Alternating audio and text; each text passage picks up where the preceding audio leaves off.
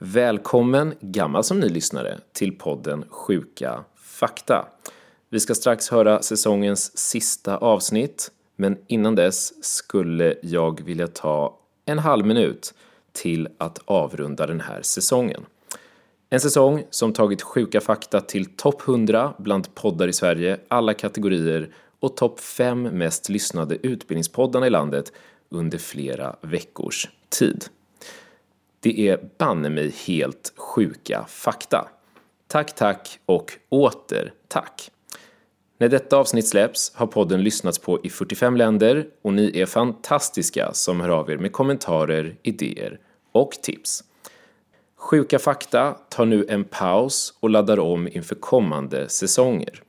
Vill du veta mer om dessa eller är du sugen på att vara en del av produktionen så är du välkommen att höra av dig via Instagramkontot Sjuka Fakta Podcast där du också hittar extra material, quiz och tävlingar eller till kontakt snabela sjukafakta.se. Nu undrar du säkert snart när du ska få höra säsongens sista avsnitt. Jo, men det ska du få göra precis nu. Ordet snus, det vet man inte riktigt var det kommer ifrån egentligen. Men det finns de som hävdar att det kommer från Tjeckien. Men att det har inte något med vårt svenska språkbruk att göra annat än att vi har överfört ordet snus. I think it's a disgrace that information that was false and fake and never happened got released to the public.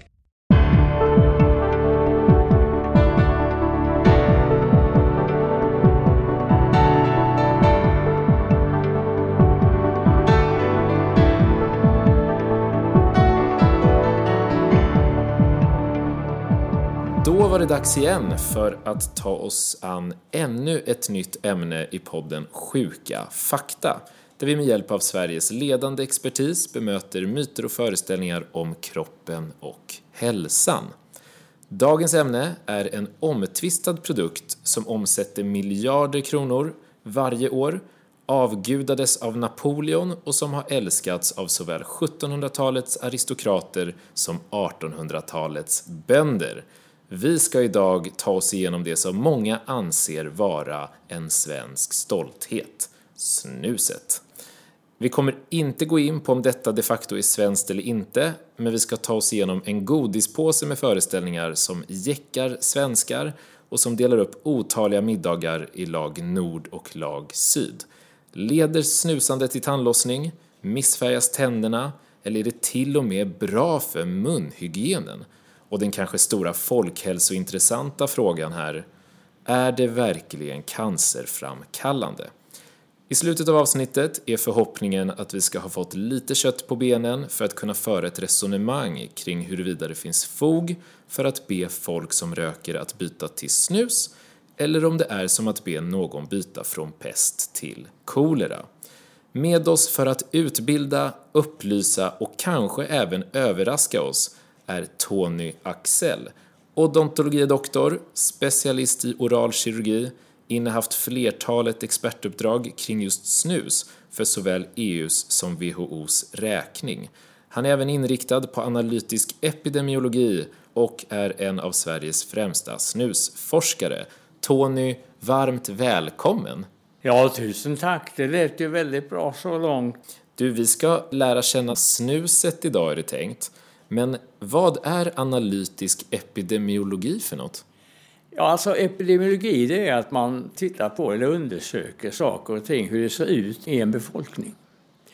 Och när man lägger till ordet analytisk så vill man försöka ta reda på orsaker eller samband med de fynd man gör. Därför är det så otroligt viktigt att man gör en saklig bedömning av den forskning som finns. Det är lätt att sitta och analysera om man inte behöver ta ansvar för det man kommer fram till. Det finns ett önskemål ibland från den som analyserar att hitta någonting. Och då försöker man styra sitt sökande i den riktningen. Och ser du, det är principiellt fel. Man ska utgå från att det inte finns några skillnader.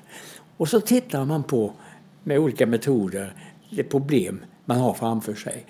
Och när alla medel inte kan frånsäga sig att det finns ett samband, ja, då kan man börja tro på det. Ja, det är väldigt tänkvärt. En liten inflik bara. Det låter lite här i bakgrunden. Det är bilar som kör över Nissan här, där vi sitter i Halmstad, i ett konferensrum. Bara så att man inte undrar sen under resten av samtalet vad det är som låter. Du, sedan 1900, det här har jag ju kollat upp då, så får du gärna rätta mig om jag är ute och cyklar här. Sedan 1992 har svenskt snus varit förbjudet i EU och sedan medlemsinträdet 1 januari 1995 har Sverige varit undantaget från detta förbud. Med detta i bakhuvudet ska vi undersöka ett antal föreställningar idag är det tänkt. Ja, det går bra. Och då tänker jag att vi har fem stycken för dagens avsnitt som får på något sätt rama in helheten. Och dessa är som följer. 1. En tandläkare kan se om man snusar. 2. Snus ökar risken för tandlossning. 3. Det är farligt att snusa under graviditeten. 4. Snus ökar risken för cancer. Och 5. Det är bättre för hälsan att snusa än att röka. Har du stött på dessa föreställningar tidigare? Ja, många gånger.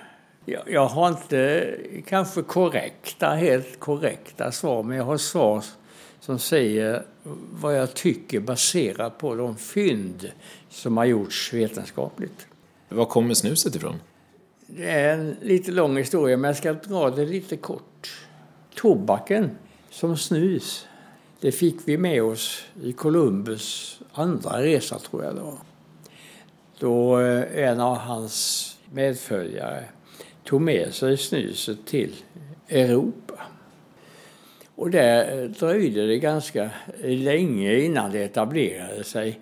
Första gången man hör talas om det i Europa är mitten på 1500-talet, 1560. Och eh, då var det en eh, fransk ambassadör i Portugal som första gången talade om snusning. Och han hette Jean Nicot. Och vår käre blomsterkung hade talat om detta. Och därför döpte han det på latin till Nicotiana.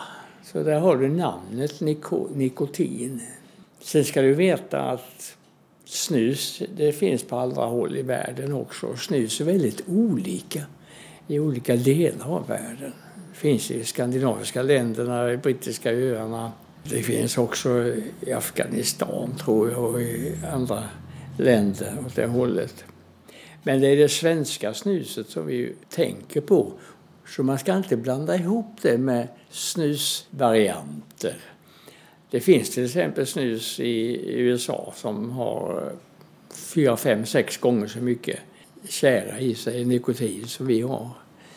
Så man kan inte ta en vana som den är i Sverige och direkt tillämpa vanor och bestämmelser som de ser ut i andra länder. Därifrån är steget långt. Därifrån är steget långt. För vi ska ju försöka ta oss an det folkkära snuset idag och då är det egentligen det svenska snuset mm. som vi tänker på. Och här råder det ju också delade meningar om hur hälsovådligt det faktiskt är. Och det är ju inte säkert att vi når några säkra slutsatser idag och det är väl kanske inte nödvändigtvis meningen heller. Men vi kan försöka gräva lite och se vad existerande forskning i alla fall säger. Och eh, då är min första fråga på det. Du var inne på tobak och nikotin, men vad är snus för något? Ja, det finns ett par olika former av snus kan man säga. Egentligen är det finmalen tobak. Och det finns eh, i princip två stycken varianter. En som är väldigt finmalen och torr och som används som luktsnus och så som det användes från början. Man sniffar upp det i näsan. Och jag vet till och med om att man har lagt det in i örat. Det mm. tror jag mig veta i alla fall. Mm. Sen finns det då snus som är eh, bearbetat och som innehåller gissningsvis 50% vatten. Det kallas ibland för fruktsnus. Det här fruktsnuset det har vi ju haft ganska länge i Sverige. Redan i mitten på 1700-talet började det etablera sig affärer eller butiker som sålde snus i olika varianter. Men jag skulle säga den formen som vi använder snuset på idag. Det började nog etablera sig i mitten av 1800-talet. Jag kan inte datum riktigt men så är det nog. Och de gamla snusmärkena från 1700-talet, en del av dem lever kvar fortfarande. Och det är ganska festligt. Då var det ett 70-tal olika märken. Medan vi nu har vi några få. Nu har man ju till och med försökt med så kallade vitt snus för att slippa missfärgningar. Och det finns till och med tobaksfritt snus som innehåller nikotin. Så skalan har blivit från början har krympt allt mer. Men sen har den ökat och detta hänger samman med svenskarnas vana eller ovana att snusa. Det finns inget land i världen där man snusar så mycket som i Sverige. När man snusar så finns det något som kallas för snuslucka som är det här utrymmet under läppen som omgärdas av tänder och tandkött. Och det finns några föreställningar jag skulle vilja ta med dig kring just snus och munhälsa Eh, som jag tänker att du får bemöta med sant, falskt eller halvfabrikat och en kortare utläggning är också helt okej okay för förståelsens skull. En tandläkare kan se om man snusar. Om tandläkaren är observant, om han gör den undersökning han ska, så ser han de allra flesta fallen av snusare. Man ser det i första hand på slemhinnan som kan bli veckig, den kan bli vitaktig, men tandköttet kan också dra sig tillbaka på de tänder som motsvarar det området där man lägger snus. Det där trodde man ett tag att det kunde orsaka tandlossning. Men idag vet man att det gör det inte. Ja, för det är faktiskt min nästa. Snus ökar risken för hål i tandköttet och ger upphov till tandlossning. Du har rätt när det gäller att det påverkar tandköttet, men det orsakar inte tandlossning. Snus missfärgar tänderna. Det är en sanning med modifikation. Vissa snussorter påverkar verkligen tändernas utseende, men det är framförallt ovanför emaljen. Denna missfärgning syns alltså på tandroten som nu är blottlagd. Den blir alltså brun eller mörkbrun jag har sett tänder också missfärgas av det, men det är missfärgningar som går och vaska bort så att säga. Men det går det inte ovanför tandkronorna. Utan där kan det bli en missfärgning. Och det är några snusar där det är ofrånkomligt så att mullbänken ligger där den ligger och så rinner det lite i mungiporna. Men tänderna påverkas förvånansvärt lite. Okej, okay. så missfärgningen rör sig främst kring roten och inte på emaljen. Bra. Hur är det med föreställningen att snus motverkar karies? Det är inte helt osannolikt. Det är ju så att snus höjer ju pH. Karies framkallas av bakterier som sänker pH ordentligt till och med. Där motverkar definitivt snusningen karies. De mätningar som är gjorda, jag kan inte hitta någon där det klart framgår, men det finns antydningar i några rapporter att snusarna har mindre benägenhet att få karies. Det producerar ju nämligen också saliv. Snusningen producerar saliv. Och saliv är ju protektionistiskt. Den inhiberar ju risken att få karies. Vi ska lämna de här föreställningarna lite lätt. Det finns en annan föreställning om det här med portionssnus. Och det skulle vara att det finns glasfibrer i påsarna och att det är dessa som gör att den här snusfickan uppkommer. Vad säger du om det? Ja, det där har jag ju läst om och jag har fått kommentera det väldigt ofta. Låt mig säga så här då. Det finns inget glas i snuset utan det är helt enkelt utfällda eh, mineraler som finns i snuset som bildar kristaller som kan se ut som glas. Men det har ingenting med glas att göra Och jag har aldrig sett någon skära sig på snus. Just det. Eh, jag fick så sent som igår höra om ett nytt patent kring en nikotinpåse som ska göra att det svider mindre i munnen mm. när man snusar portionssnus. Men vad, vad är det som gör att snus svider från början? Vet man det? Nej, det finns dåligt utrett egentligen. Snuset har ju en partikelkoncentration som gör att det drar sig till slemhinnan. Och en sån, ska vi kalla det för sugeffekt, kan ju definitivt påverka känsligheten där man lägger snuset. Men efterhand som man snusar så bildas det också ett skyddslager. Skulle du, bara för att snabbt avsluta det här med munstatus, säga att snus är bra för munhygienen, dålig för munhygienen eller är den mer eller mindre effektlös? Det är ingen lätt fråga du. Eh, jag kan säga direkt så här. Snusning ger skador i munnen. På slemhinnorna framför allt, men också på tandrötter. Ur den synpunkten sett så är det absolut inte harmlöst.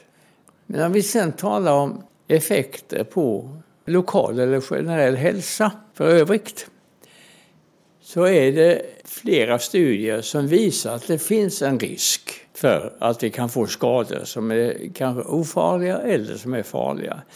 Men de är inte tillräckligt stora för att jag med säkerhet ska kunna säga att det är på det viset. Men därmed vill jag inte ha sagt att det är helt ofarligt. Och när vi ändå är inne på det här med effekter, hur är det egentligen med snusets effekter i munnen och på kroppen? För vi kommer komma in en del på mm. olika sjukdomar som man förknippar med snusandet, oavsett om det finns belägg för det eller inte.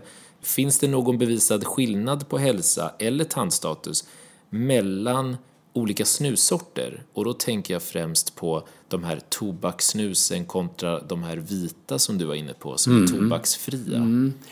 Ja, man ska ju fråga först om det finns någon skillnad mellan snus och de som inte snusar. Om det finns några organeffekter så att säga av det. Och då finns det rapporter att snusningen har orsakat skador i matstrupen och allehanda organ egentligen. Det finns enstaka rapporter om det. Men de som har tittat på det här vetenskapligt och gjort stora studier, alltså omfattande hundratusentals snusare eller människor, kan inte styrka sådana samband. Det enda är väl eh, bukspottkörteln i så fall, att man hittar ett litet, litet övertal. Men då ska man ha fullständigt klart för sig att våra siffror i Sverige är så oerhört små. Och något direkt orsakssamband är lite svårt, eller mycket svårt att dra. Om man tittar på jämförelser med andra länder så har svenskarna väldigt få skador på inälvorna. Väldigt få. Och det gäller också pankreas bukspottkörtel. Sen finns det, och det ska ju erkännas, att det finns ju alltså enstaka studier som visar att siffrorna, låt säga 10 000 snusare, att det ena ger 12 fall och det andra 8 fall. Och så drar man en slutsats av det och det må man få göra men det ska samtidigt vara kritisk. Det finns andra studier som visar motsatsen alltså. Och då vill jag göra ett litet tillägg med en enda gång. Trots allt vad jag har sagt så ska man inte säga att snusning är riskfritt. Det innehåller trots allt 2-3 tusen kemiska substanser som kan vara skadliga. Även om det då förekommer i väldigt små koncentrationer. Så missförstå mig inte. Även om jag nu frånhänder oss alla uppgifter om påtagliga bevis att det ger cancer och skador så finns det trots allt en risk för det. Det är jätteviktigt att hålla det i minnet efter den här intervjun. Snuset förknippas ju även med andra sjukdomar som jag skulle vilja bolla lite med dig. Och då är min första fråga, ökar snus risken för hjärt-kärlsjukdomar? Ja, ja, alltså... Nej, eh, det är inte visat, men man har tittat lite grann på hjärtfrekvensen, alltså hur fort hjärtat slår. Och då visar det sig i någon studie att det ökar takten alltså. Men att det skulle åstadkomma permanenta skador. Jag kan inte hitta några studier som säger det. Vi har ju sen de här undersökningarna på snusande mödrar som får barn som blir lite mer överviktiga än motsvarande barn från mödrar som inte snusar. Men sen hur farligt det är, det kan jag inte bedöma. Nej, för jag har även en fråga utöver det, så en fråga kring snus och diabetes. Mm. Jag har kikat väldigt snabbt och skralt på enstaka studier som man har gjort på Karolinska mm. som menar att risken för diabetes typ 2 ökar med 70 procent om man snusar mer än en dos om dagen och det här skulle då motsvara ungefär samma riskökning som om man röker ett cigarettpaket om dagen. Det låter som väldigt eh, höga siffror. Det stämmer, den studien känner jag till. Den är obekräftad ännu så länge men eh, den är onekligen intressant. Ja, vad jag vet så har man inte gjort ännu så länge någon uppföljningsstudie av detta. För det vore ju väldigt intressant att följa de här individerna som är 60, 70, 80 år och se om det får någon inverkan på livslängd och andra komplikationer. Diabetes typ 2 är ju ingen ofarlig sjukdom. Det kan man ju mycket väl få utan att snusa. Men som sagt var, jag tycker det är ett väldigt intressant observandum som bör följas och att de individerna ska följas och avrådas från snusning. Sen har jag läst att det är farligt att snusa under graviditeten. Mm. Vad säger forskningen om detta? Ja, det finns studier på det. Det enda jag har kunnat utläsa är att de får en lite ökad fostervikt, alltså vid födelsen. Att barnet väger lite mer. Och att viktkurvan drar iväg lite grann under första levnadsåret. Så någon form av påverkan har det, ganska säkert. Men det är svårt att tala om hur farliga de här faktorerna är alltså. Men det är riktigt som du säger, det finns studier. Ja, för där återigen, det känns som att Karolinska varit väldigt flinka i, i mm. studier på sistone kring det här. Men enligt en studie på KI så skulle det här vara också kopplat till prematura födslar, dödfödslar mm. och att barnet, när det då föds prematurt, då såklart väger väldigt lite.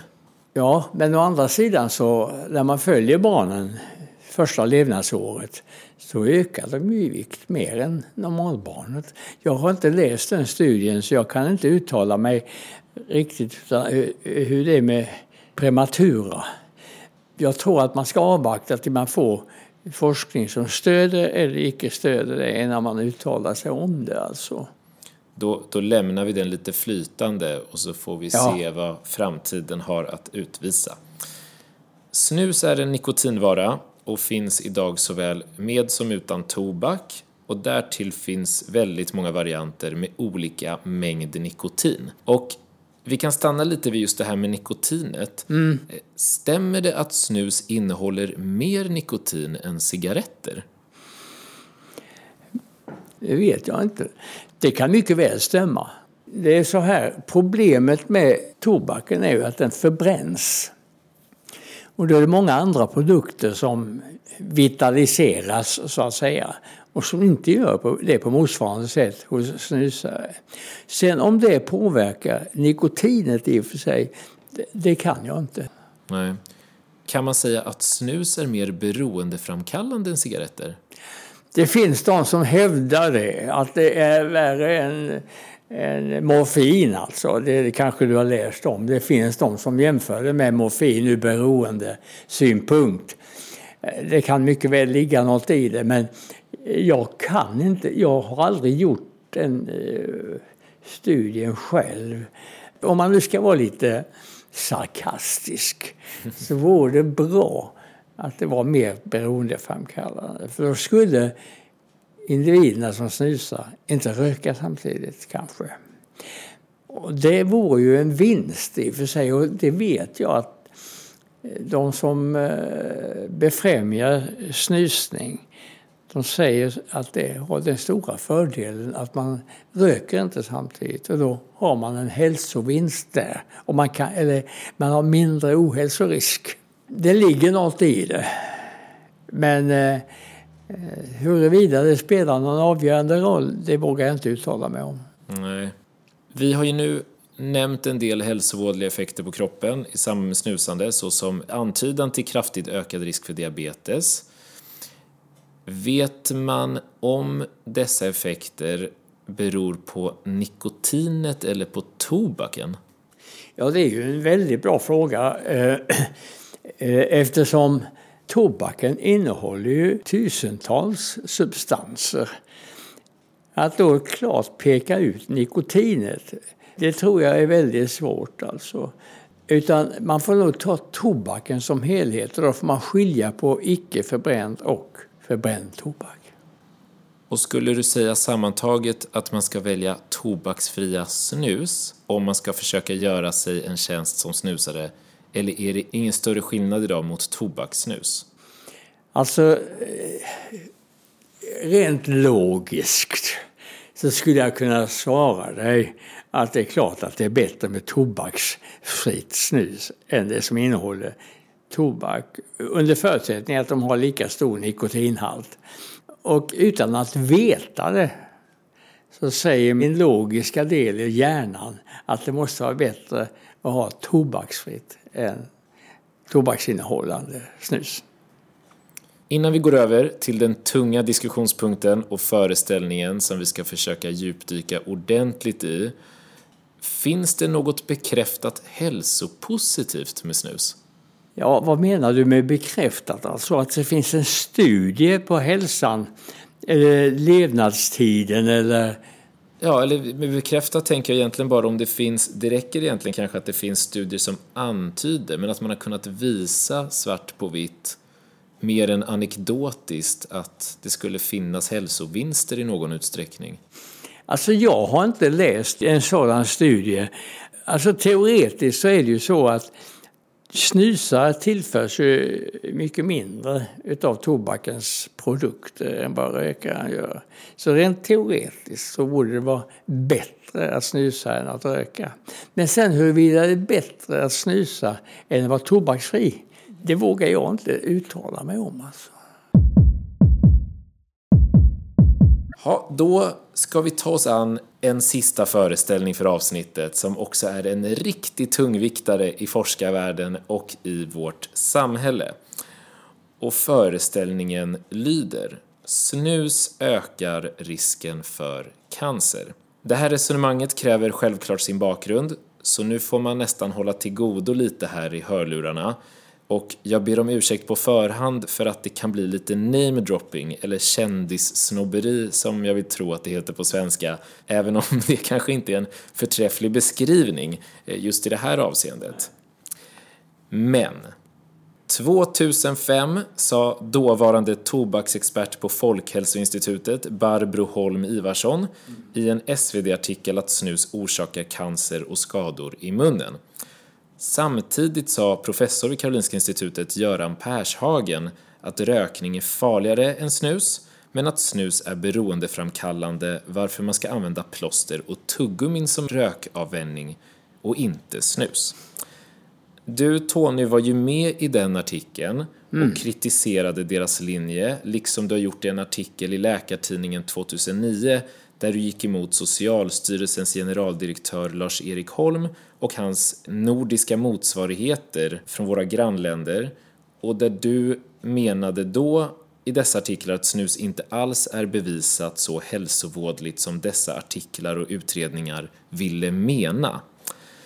Varför tror du att dessa instanser och meriterade individer kom fram till en annan slutsats än vad du gjorde? Ja, jag tycker inte det är så konstigt egentligen. Man ska tänka sig att de som jobbar inom de här sektorerna, de är folkhälsomedvetna. De vill ju göra allt de kan för att folk, folkhälsan ska förbättras. Och då är det lätt hänt att eh, ta till en klubba och säga snus innehåller cancerframkallande ämnen. Alltså ska man avstå för det därför att eh, det måste innebära att vi får en förbättrad munhälsa och generell hälsa.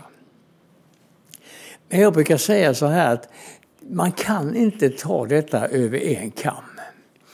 Vi vet alla, jag ska ta det gamla klassiska exemplet som du säkert har hört talas om. Ingen av oss skulle sätta i sig natrium. Det är ju halvexplosivt alltså.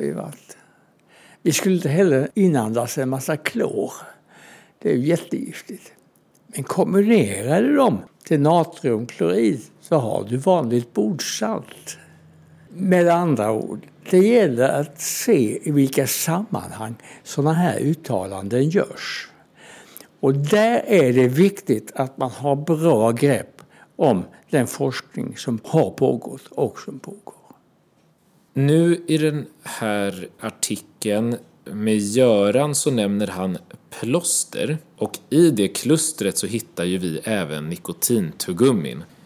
Skulle du säga att det är bättre, och nu avser frågan egentligen nikotinets effekt på kroppen, är det bättre att stå på nikotinplåster eller nikotintuggummin i höga doser istället för att snusa? Jag har inte undersökt det, men rent eh, teoretiskt så är det bättre med plåstret naturligtvis. Det, det kan man ju fråga gemene man om.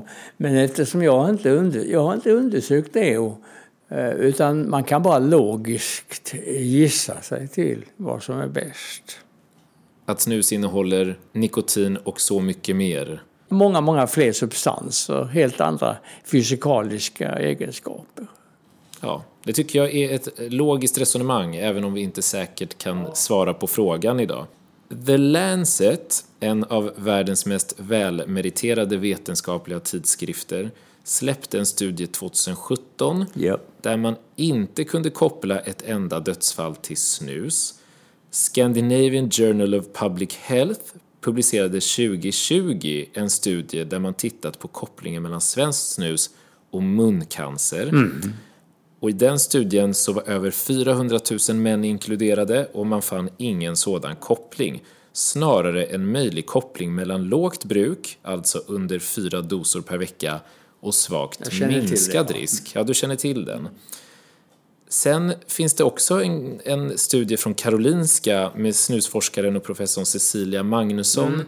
i täten som i juni 2020 visade att risken för muncancer i den studien, ska tilläggas, minskade med nästan 21 procent om man snusade fem dosor eller färre per vecka.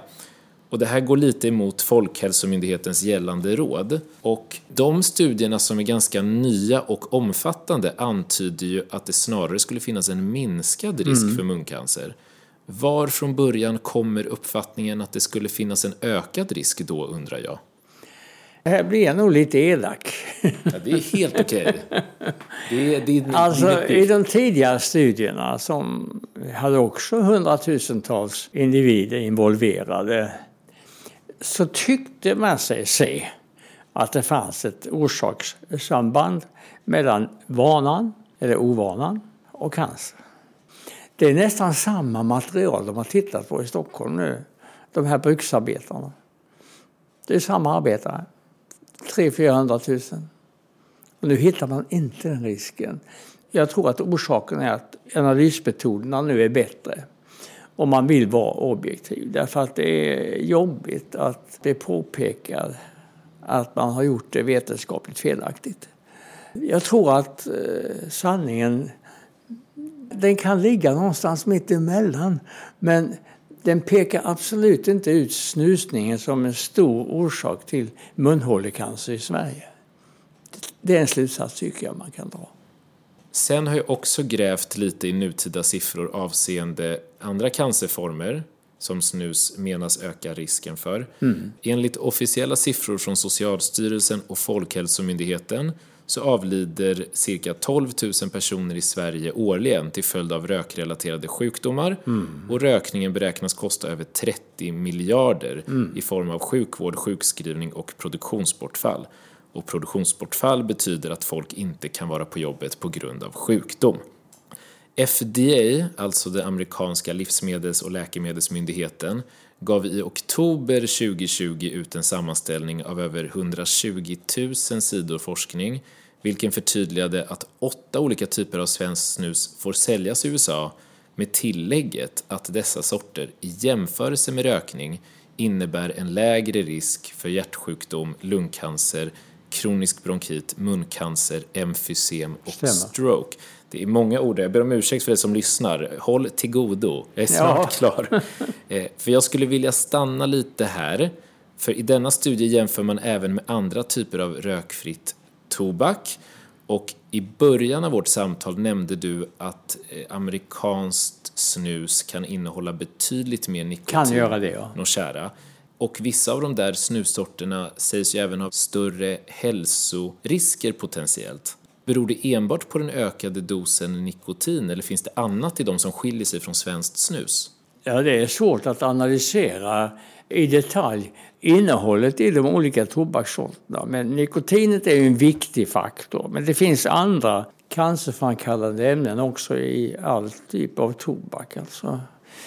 Och eh, därför är det svårt att peka på nikotinet som sådant. Utan det kan vara en kombination av olika faktorer. De här stora sammanställningarna som är gjorda nu. Låt mig säga att de pekar ju på att risken för att få munhålecancer eller annan cancer på grund av snusningen, den risken är väldigt liten. Men låt mig också understryka att för att kunna nollställa någonting sånt så måste man ha ännu mycket större material. Så man ska inte känna sig helt befriad från den risken trots de här studierna. De pekar dock på att cancerrisken är relativt liten, om den finns. Det är en fantastisk cue in på mitt nästa resonemang och fråga som rör bukspottkörtelcancer. För enligt Cancerfonden drabbas varje år 1200 till 1300 personer av detta i Sverige. Det motsvarar lite mer än 0,012 procent av Sveriges befolkning, alltså lite fler än en på 10 000. Parallellt med det så har World Cancer Research Fund listat de länder i världen som har flest fall av bukspottkörtelcancer per 100 000 invånare. Och 2018 så var Sverige i botten på topp 20-listan över kvinnor och fanns inte alls med när man kör ihop könen och jämförde med alla våra såväl grannländer som runt om i världen. Samtidigt visar en rapport från Statistiska centralbyrån vid årsslutet 2018 att dagliga rökare har mer än halverats sedan 80-talet. Andel snusare har ökat. Vi har alltså en hög andel snusare per capita Ja. och vi har betydligt fler än i många andra länder också samtidigt som vi har en lägre andel rökare i Sverige Ja. per capita än i många andra länder. Och vi verkar ju i alla fall inte ha en större andel bukspottkörtelcancerfall per capita. Varför framhålls risken och föreställningen om den här ökade risken för bukspottkörtelcancer? Det är inte så konstigt egentligen. Om man räknar i antalet så är man nere och sysslar med siffror som 12 gånger så många och 8 gånger så många. Och det är en viss skillnad alltså.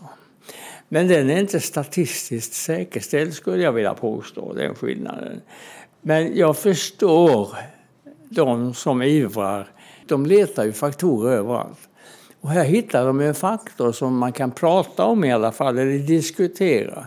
Men man glömmer bort att nämna att det rör sig om tiondels procent eller hundradels procent, så risken är ju oerhört liten. Man kan inte använda det här som huvudargument enligt min uppfattning. Därtill är skillnaden alldeles för liten och osäker. Jag tror inte att det finns ett tydligt samband mellan bukspottkörtelcancer och snusning. Jag tror inte på det, men det är en tro från min sida. Så man kan inte säkert säga att risken inte finns, men man har inte heller kunnat påvisa att risken med säkerhet är Exakt. ökad. Då är jag med och det är nog lyssnarna också.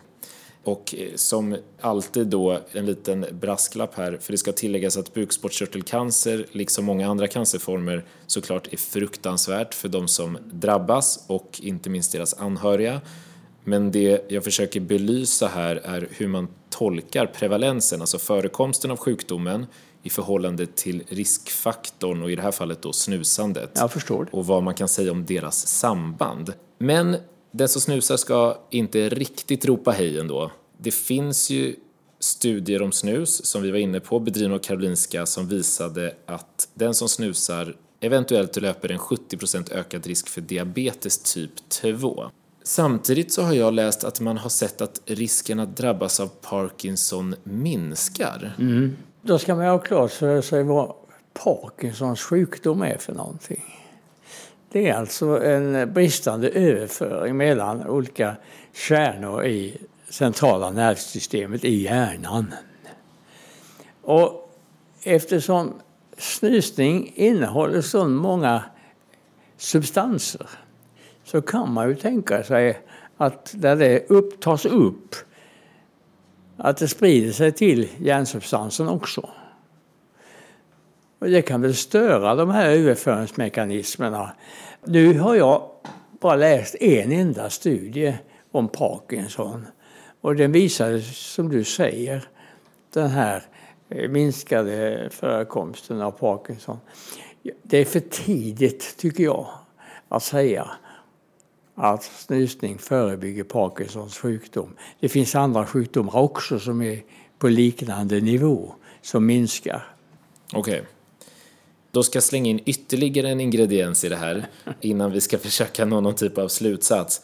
Eh, för det verkar inte, av det jag har läst, råda konsensus när det gäller huruvida snus är ett bra rökavvänjningsmedel mm.